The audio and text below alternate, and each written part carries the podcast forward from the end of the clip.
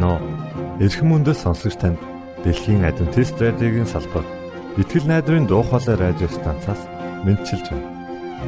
Сонсогч танд хүргэх маань нэвтрүүлэг өдөр бүр Улаанбаатарын цагаар 19 цаг 30 минутаас 20 цагийн хооронд 17730 кГц үйлсэлээр 16 метрийн долгионоор цацагдж байна. Энэхүү нэвтрүүлгээр танд энэ дэлхий дээр хэрхэн аз жаргалтай амьдрах талаар зарчим болон мэдлэгийг танилцуулахдаа бид таатай байх болноо. Таныг амарч байх үед аль эсвэл ажиллаа хийж байх зур би тантай хамт байх болноо.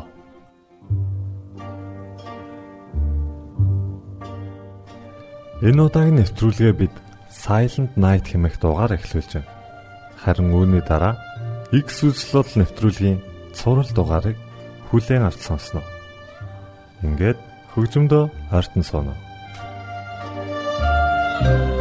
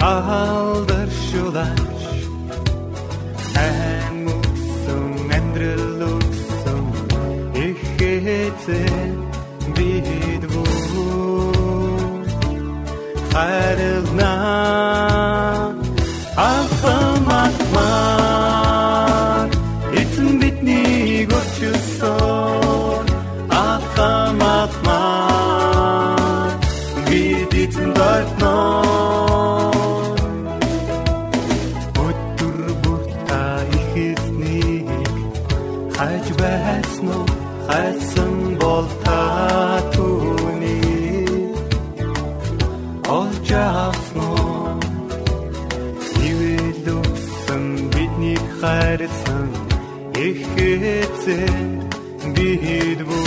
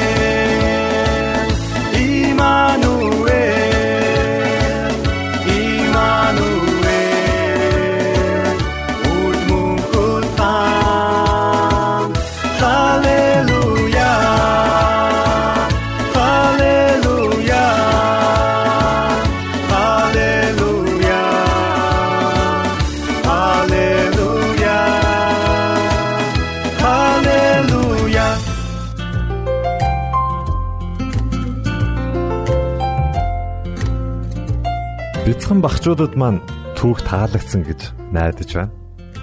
Ингээд та дараагийн нэвтрүүлгээ хүлээн авч сонсноо.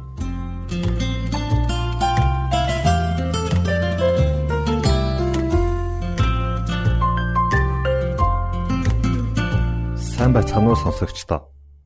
Өөрийгөө байлдан дагуулагч болгон хөгжүүлэх цуврал нэвтрүүлэг маань үргэлжилж байна. Энэ удаагийн дэд гарчиг харилцаанд бэлтгэх зарчим гэсэн сэдвийн дор явж байгаа. Энэ дотроо 5 зарчимтай гэж бид өмнө нь бас дурдсан байгаа. Тэгэхээр энэ удаагийн зарчим бол толин зарчим. Буюу миний шалгах ёстой хамгийн ихний хүн бол би өөрөө. Танд бустай хамт байхад үргэлж асуудал гардаг уу? Магадгүй тэрхүү асуудал нь таач байж болно гэдгийг ойлгуулах болно. Өөрөөсөө асуух асуулт маань би хэн бэ гэдэгт хариуцлага үүрэхийн тулд өөрийгөө шалгах хэрэгтэй юу гэсэн асуулт. Зарим хүн өөрийнхөө хамгийн муу дайсан болдог талаар та сонсож байсан уу? Яагад гэвэл үргэлжил амжилт өөд хүсэн тэмүүлэхдээ бүх зүйлийг огоорон үхэн хатан зүтгэдэг. Өөрийгөө дэндүү завгүй байлгаж ажлын төлөө юу ч өхөөс буцахгүй шаргуу хөдөлмөрлөдөг. Үнэхээр шагшин магтахаас аргагүй агуу чадвартай энэ хүн нэг л өдөр тесэрч хийн гардаг. Мэдээж бүх хүн ийм байдалд ордгүй л дээ. Харин цааш үргэлжлүүлэн явж чадахгүй болсноо мэдэрсэн хүнд дээрх асуудал тулгардаг. Учир нь асар том зоригтой тэмүүлдэгч аажмаар бустай харилцах харилцаа болон урагшлах эрч хүчээ алдсаар байдаг гэдгээ мэддэггүй юм. Эдгэр хүмүүсийн нэг бол Петер Роуз юм. Бейсболын алдар нартай цөөхөн хідэн тамирчдын нэг бол яхарахгүй Петер Роуз лээ. Түүний бейсболын лигийн рекорд амжилтуудаас дурдах юм бол хамгийн өсөх ирээдүйдээ цохогч 4256 хамгийн олон удаа тоглосон 3562 удаа. Хамгийн сайн цохиур эзэмшигчээр 14053 удаа. Хамгийн чадварлаг цохигчоор 5752 удаа хамгийн туршлагатай цохилт хийсэн 200 ба түүнээс дээш 10 гэд дурдаад байх юм бол маш олон амжилтуудын эзэн мөлий. Роуз хоёр үлрэл дараалан Алтан Бэйли цомын эзэн болсон төдийгүй удаа дараалан маш олон шагнал хүртэж байсан. Түүний томоохон хэмжээний шагналуудаас дурдвал үндэсний лигийн оны авраг, үндэсний лигийн хамгийн үнэлэмж өндөртэй тоглогч, MVP-гийн дэлхийн авраг гэх мэт дурдж болно. Хэдийгээр Питер Роуз бейсболын ертөнцид агуу амжилттай эзэн болж чадсан ч тэрээр хувийн амьдралынхаа жинхнээс нь байж чадаагүй юм. Түүний амьдрал эмх замбраагүй. Ёс бус зүйлээр дүрэн байсан эц тэрээр бейсболынхаа талбарыг мөрөөдө тоглоомоос болж архихад төрсөн. 1900 оны эхээр дэлхийн хэмжээнд спортын салбарт тэр дотроо мэрэгжлийн бейсбол нь мөрөө тавих үзэгдэл нэлээд өртөж шуугандагдаж эхэлсэн билээ. Иймээс Америк дахь мэрэгжлийн бейсболын клубын тамирчин дасгалжуулагч бүр журам 21-ийн дийг хэрэгжүүлэхийг шаарджээ. Тэрхүү дүрм нь ямар ч клуб, шүүгч, лигийн тоглогч, ажилчин хинч ямар ч нөхцөл бейсболын тоглолтод мөрий тавьсан үүнтэй холбогдсон тохиолдолд нэг жил эрхээ асуулна гэж тусгажээ. Петровсын хувьд 3562 удаагийн тоглогч, 554 удаа ахлах дасгалжуулагч байсан хэрнээ Энэхүү хууль дүрмийг зүгээр л уландаа гисгэж орхисон. Түүгээс барахгүй бейсболыг мөрөөдөө тоглоомыг хэрэгсэл болгосон хэврээл байв. Хэдийгээр энэ хэрэгээ 14 жилийн турш хаацалж үгүйсгэж ирсэн ч эцэст нь 2004 оны 1 сард Роуз бейсболыг мөрөөдөө тоглоомд ашиглаж өөрийнхөө багийч энэхүү Эдрет мөрөнд оролцуулсан гэдгээ хүлээн зөвшөөрсөн юм.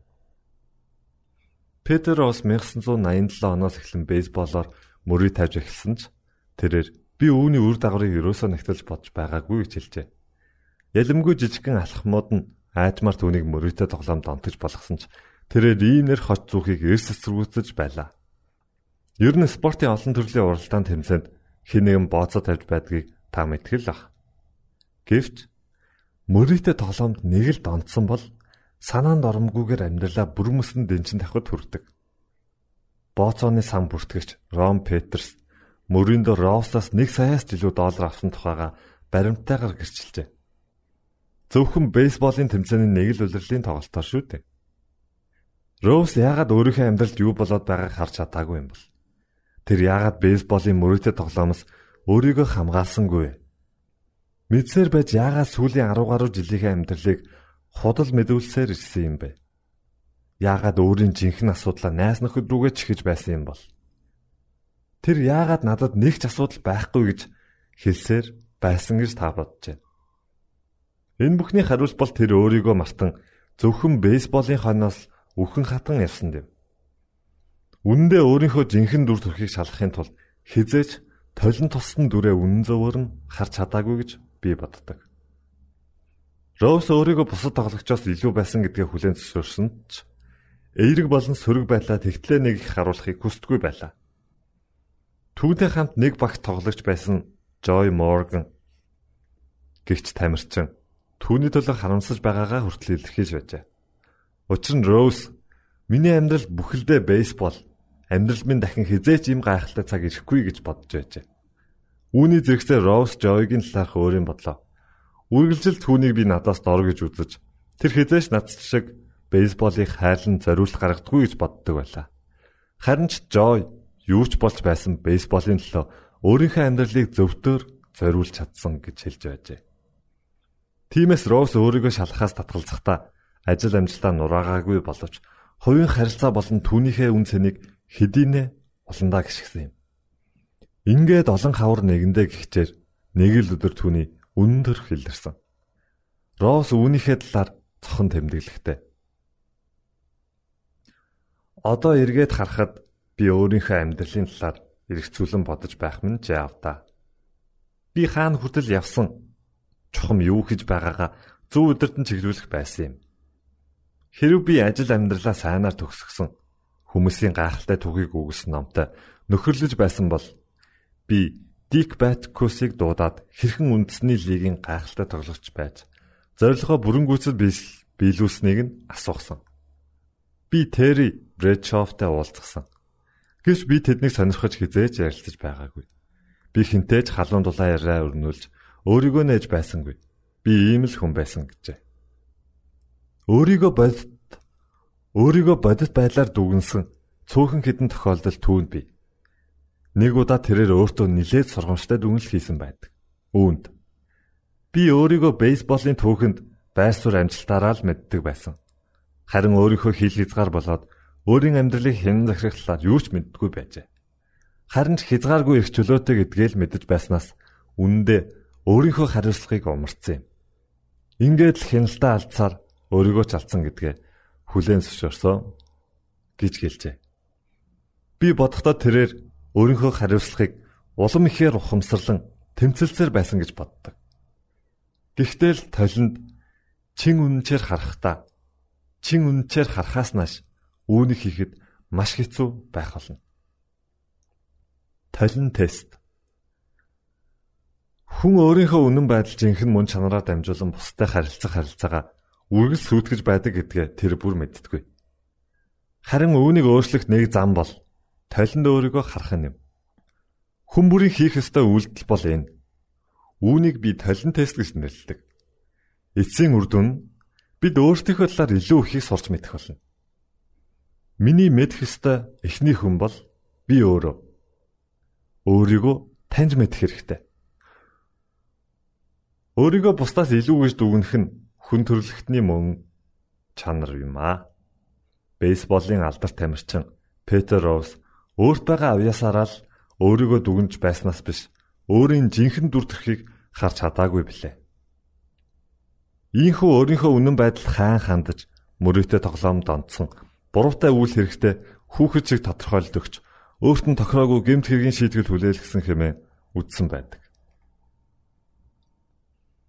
Зарим хүн төрөлхийн өөрийгөө танин мэдэх чадвартай байдаг. Зохиолч Томс Армстронг ухаалаг байх долоон чанарыг боловсруулсан ба эдгээр чанарууд нь хүний оюуны чадамжийг тогтвортой байдлаар эзэмшүүлдэг. Гэхдээ л өөрийгөө танин мэднэ гэдэг ихэнх хүмүүст тийм ч амархан байдаггүй. Энэ нь удаан хугацааны туршид бүрлдэх хичээл зүтгэл хүсэл тэмүүллээс шалтгаална. Надтай хамт алхах ёстой эхний хүн бол бас л Би өөрөө өөрийгөө үнэлж сурах хэрэгтэй. Урагш дахин нэг ахихад чинь туслах алхам. Зохиолч Сиднэ Харрис та өөртөө сэтгэл хангалуун биш бол хизээч бусдад сэтгэл хангалуун хандаж чадахгүй гэжээ. Тийм ээ. Хэрв та өөртөө итгэлгүй байвал харилцаагаа буснуулж үгүй хийх болно. Хэдэн жилийн турш би удирдлагын 21 хуулиас сэдвлэн лидийн хуулийн тухай ойлголтыг хүмүүст заасан. Энэхүү хууль нь удирдахч удирдлагын ямар төвшөнд хэр зэрэг нөлөөтэйгээр бусдыг удирдах байгаа нөлөөллийн төвшинг тодорхойлдог. Бусдад хэр зэрэг нөлөөлж байгаагаар нь удирдагчийн удирдагчийн чадрын төвшин илэрхий болдог. Тодруулбал хичнээн шаргуу хөдөлмөрлөхөөс үл шалтгаалan өөрийнхөө хүрээнс гарч чадахгүй л бол ядмагхан удирдахч гэсэн үг.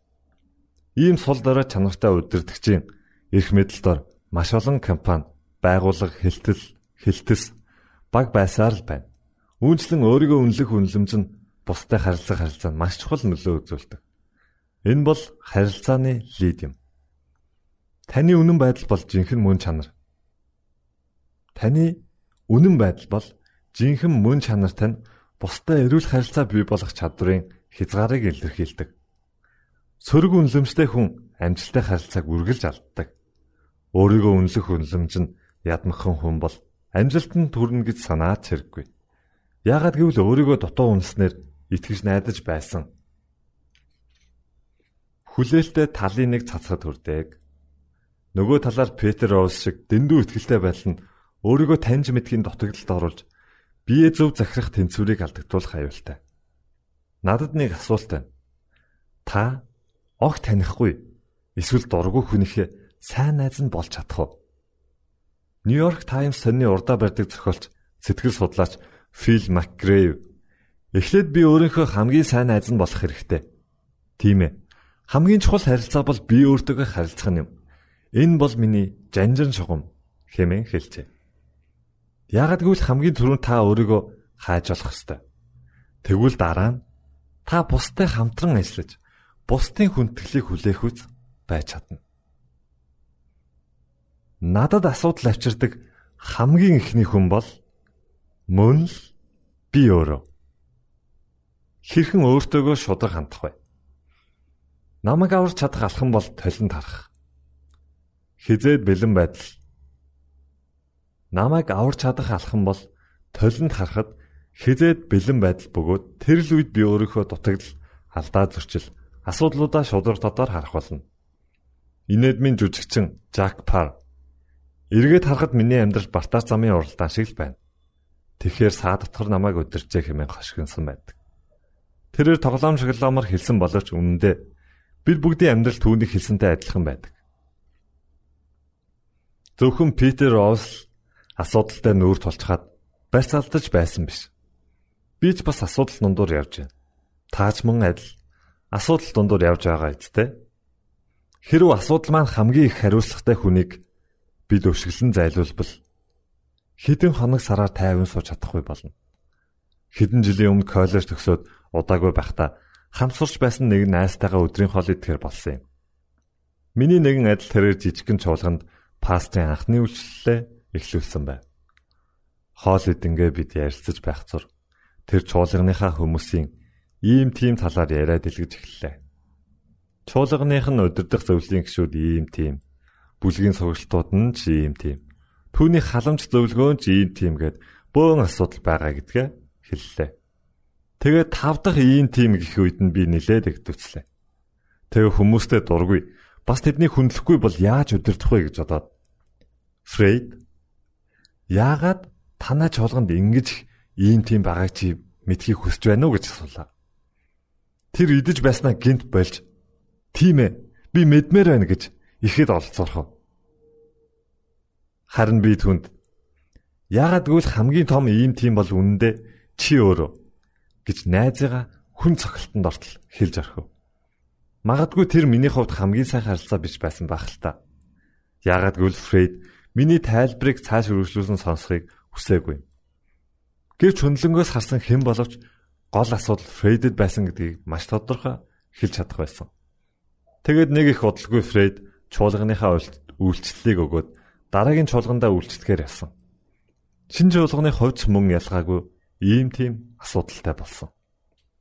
Ральф Стер CEO Джонс Вилфутсийн эзэн би өөрийнхөө ухар мөчөд байгаагаа ухаарсан. Ихэнх нөхцөлд гол асуудал бол би өөрөө Миний бодол санаа, миний харж байсан зүйлс, миний найдлага намайг амжилтад хүрэхэд хамгийн том саад болсон хэмээн өөрийнхөө алдааг хүлээн зөвшөөрсөн юм. Хэрвээ та хамгийн том дайсан болох өөрөөсөө өөрийгөө хамгаалахыг хүсэж байгаа бол өөртөө шудраг хандаж бодит байдлаа хүлээн зөвшөөрөх нь чухал. Өөрчлөл эхлэх ёстой хамгийн ихний хүн бол би өөрөө өөрийгөө босгон байгуул. Олны өмнө хичээл заах, лекц унших, ном бичих зэрэг тулгардаг нэг аюул бол хүмүүс таныг жинхэнэ мастер зааж байгаа зүйлдээ гаргуул шилжигнэ гэж боддог. Үүнд нэг их баясаад байх хэрэг байхгүй. Миний хувьд удирдлагынхаа ур чадвар харилцаан дээр үргэлжлүүлэн ажилласаар л явна. Энэ номдо оруулсан зарчмуудаа хүртэл би тийм сан хэрэгжүүлээгүй л. Би одоо ч өөрийгөө чадваржуулахын тулд үргэлжлүүлэн хөгжүүлсээр л. Миний хувьд үргэлж дагдаг нэг үнэн бол би одоо хангалттай өслөө боллоо гэж бодох үедээ л жинхэнэ асуудалтай тулгарх тулгарх болно гэдгээ мэддэг юм. Вестминстер Абейгийн бунханд 11-р зууны үед амьдарч байсан нэгэн Англикан сүмийн номлогчин бус байдаг бөгөөд үүн дээр ингэж бичжээ.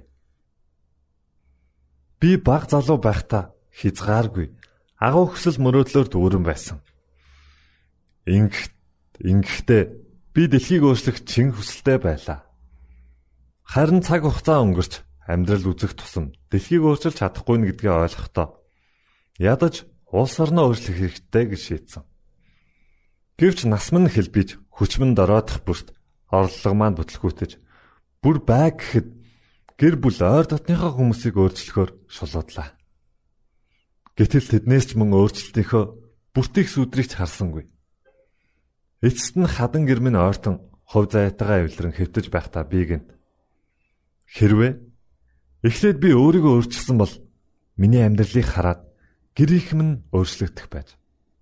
Тэдний урам зориг үр нөлөөтэй амьдралаас нь болж миний улс орон илүү сайхан болох байж. Тэгээс сүлд нь би дэлхийгээ өөрчлөхийг харах байжээ гэдгээ ухаарсан юм. Яг л биеэдса гэрэц гэрэцса төрөөц гэдэг үгтэй ижил. Хүн харилцаан дээрээ бэрхшээл амсахаараа үргэлжил хин нэгний буруутхан тэднээс л хамаг юм боллоо гэдэг. Үндэ жинхэнэ асуудал өөрөө гэдгийг мэдтгүй. Тиймээс бид үргэлж өөрийгөө шалгаж би юун дээр өөрчлөгдөх хэрэгтэй вэ гэдэгт анхаарал хандуулах хэрэгтэй. Шүүмжлэгч Самуэль Джонсон ухаал өгсөн нэгэн зөвлөгөөнд хүний мэс чанарын талаар жаахан мэддэг хүн аз жаргал нь ямар нэгэн өөрчлөлтөөр ирнэ гэж хүлээдэг бол өөрийн мөн чанарыг мэддгүй хүн аз жаргал нь гадны ямар нэгэн өөрчлөлтөөр ирнэ гэж хүлээдэг. Гэвч амьдралдаа ямар ч сайн сайхан зүйлгүй амьдарсаар зорилгооч биелүүлж чадалгүй хөл рүү явах болно хэмээн сануулжээ. Та дэлхийн ертөнцийг өөрчлөх хүсэлтэй бол эхлээд өөрийнхөө өмнөх хариуцлагыг бүрэн дүүрэн үүрэх ёстой байлаа. Би багаар ажиллах 17 зарчим номондоо ач холбогдлын хуулийн талаар бичсэн. Агуу зорилгот хүрэхийн тулд баг багаар алах гэж. Үр нөлөөтэй амжилт бол хувийн хүчин чармаалтаас ихээхэн шалтгаалдаг гэж би итгэдэг. Мөн үр нөлөөтэй амжилт бүр нэг хүний алсын хараанаас эхэлдэг гэж би боддог. Тэрээр зөвхөн алсын хараагаа хадгалаа зогсохгүй бусдыг хайрлан халамжлах хариуцлагыг ухамсарсан нэг юм. Толинд өөрийгөө харах нь. Хэдэн жилийн өмнө олон улсын томоохон хурал хийхээр Шинэ Зеландыг бид зэрлээ. Тэнд Christchurch чуулганы зочид буудал байрлав. Нэг өрөө би нилээ цангаж хүйтэн ундаа ухаар гадагш гарan Coca-Cola байрлуулсан ундааны машин хаагаад ундааны машин хаагаад олоогүй тул буцахтаа ажилчид гэсэн бичтэй хаалгыг олж харлаа.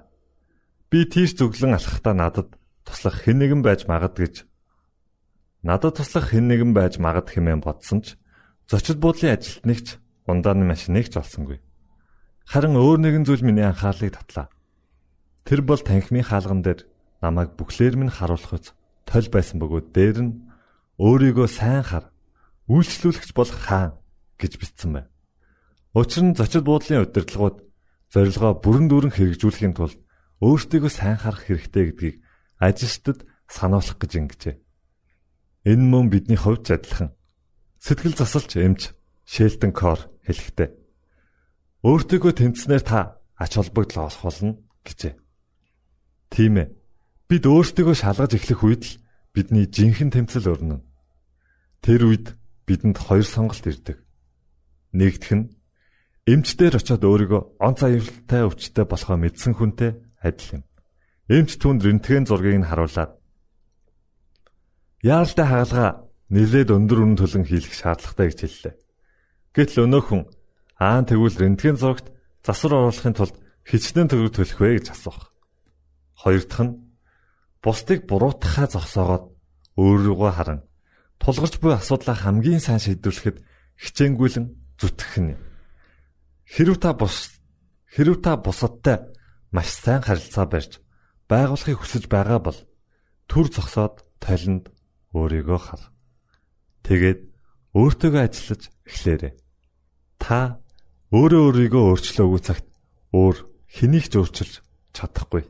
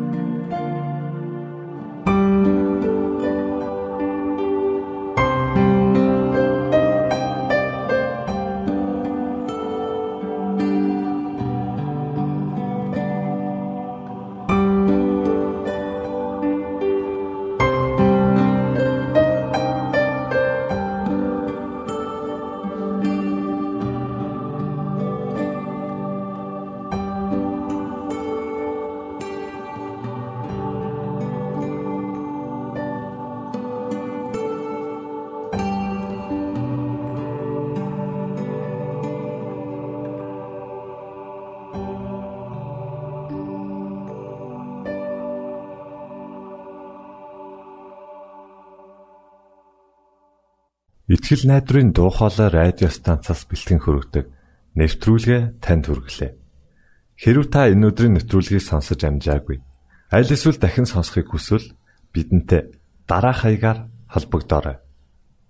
Facebook хаяг: Satiin үсгээр Монгол заавад AWR Имэйл хаяг: mongol.awr@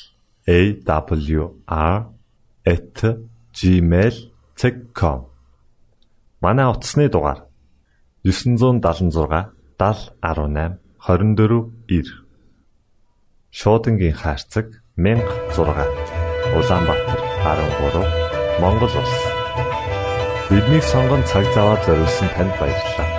Бурхан таныг бивээх болтугай.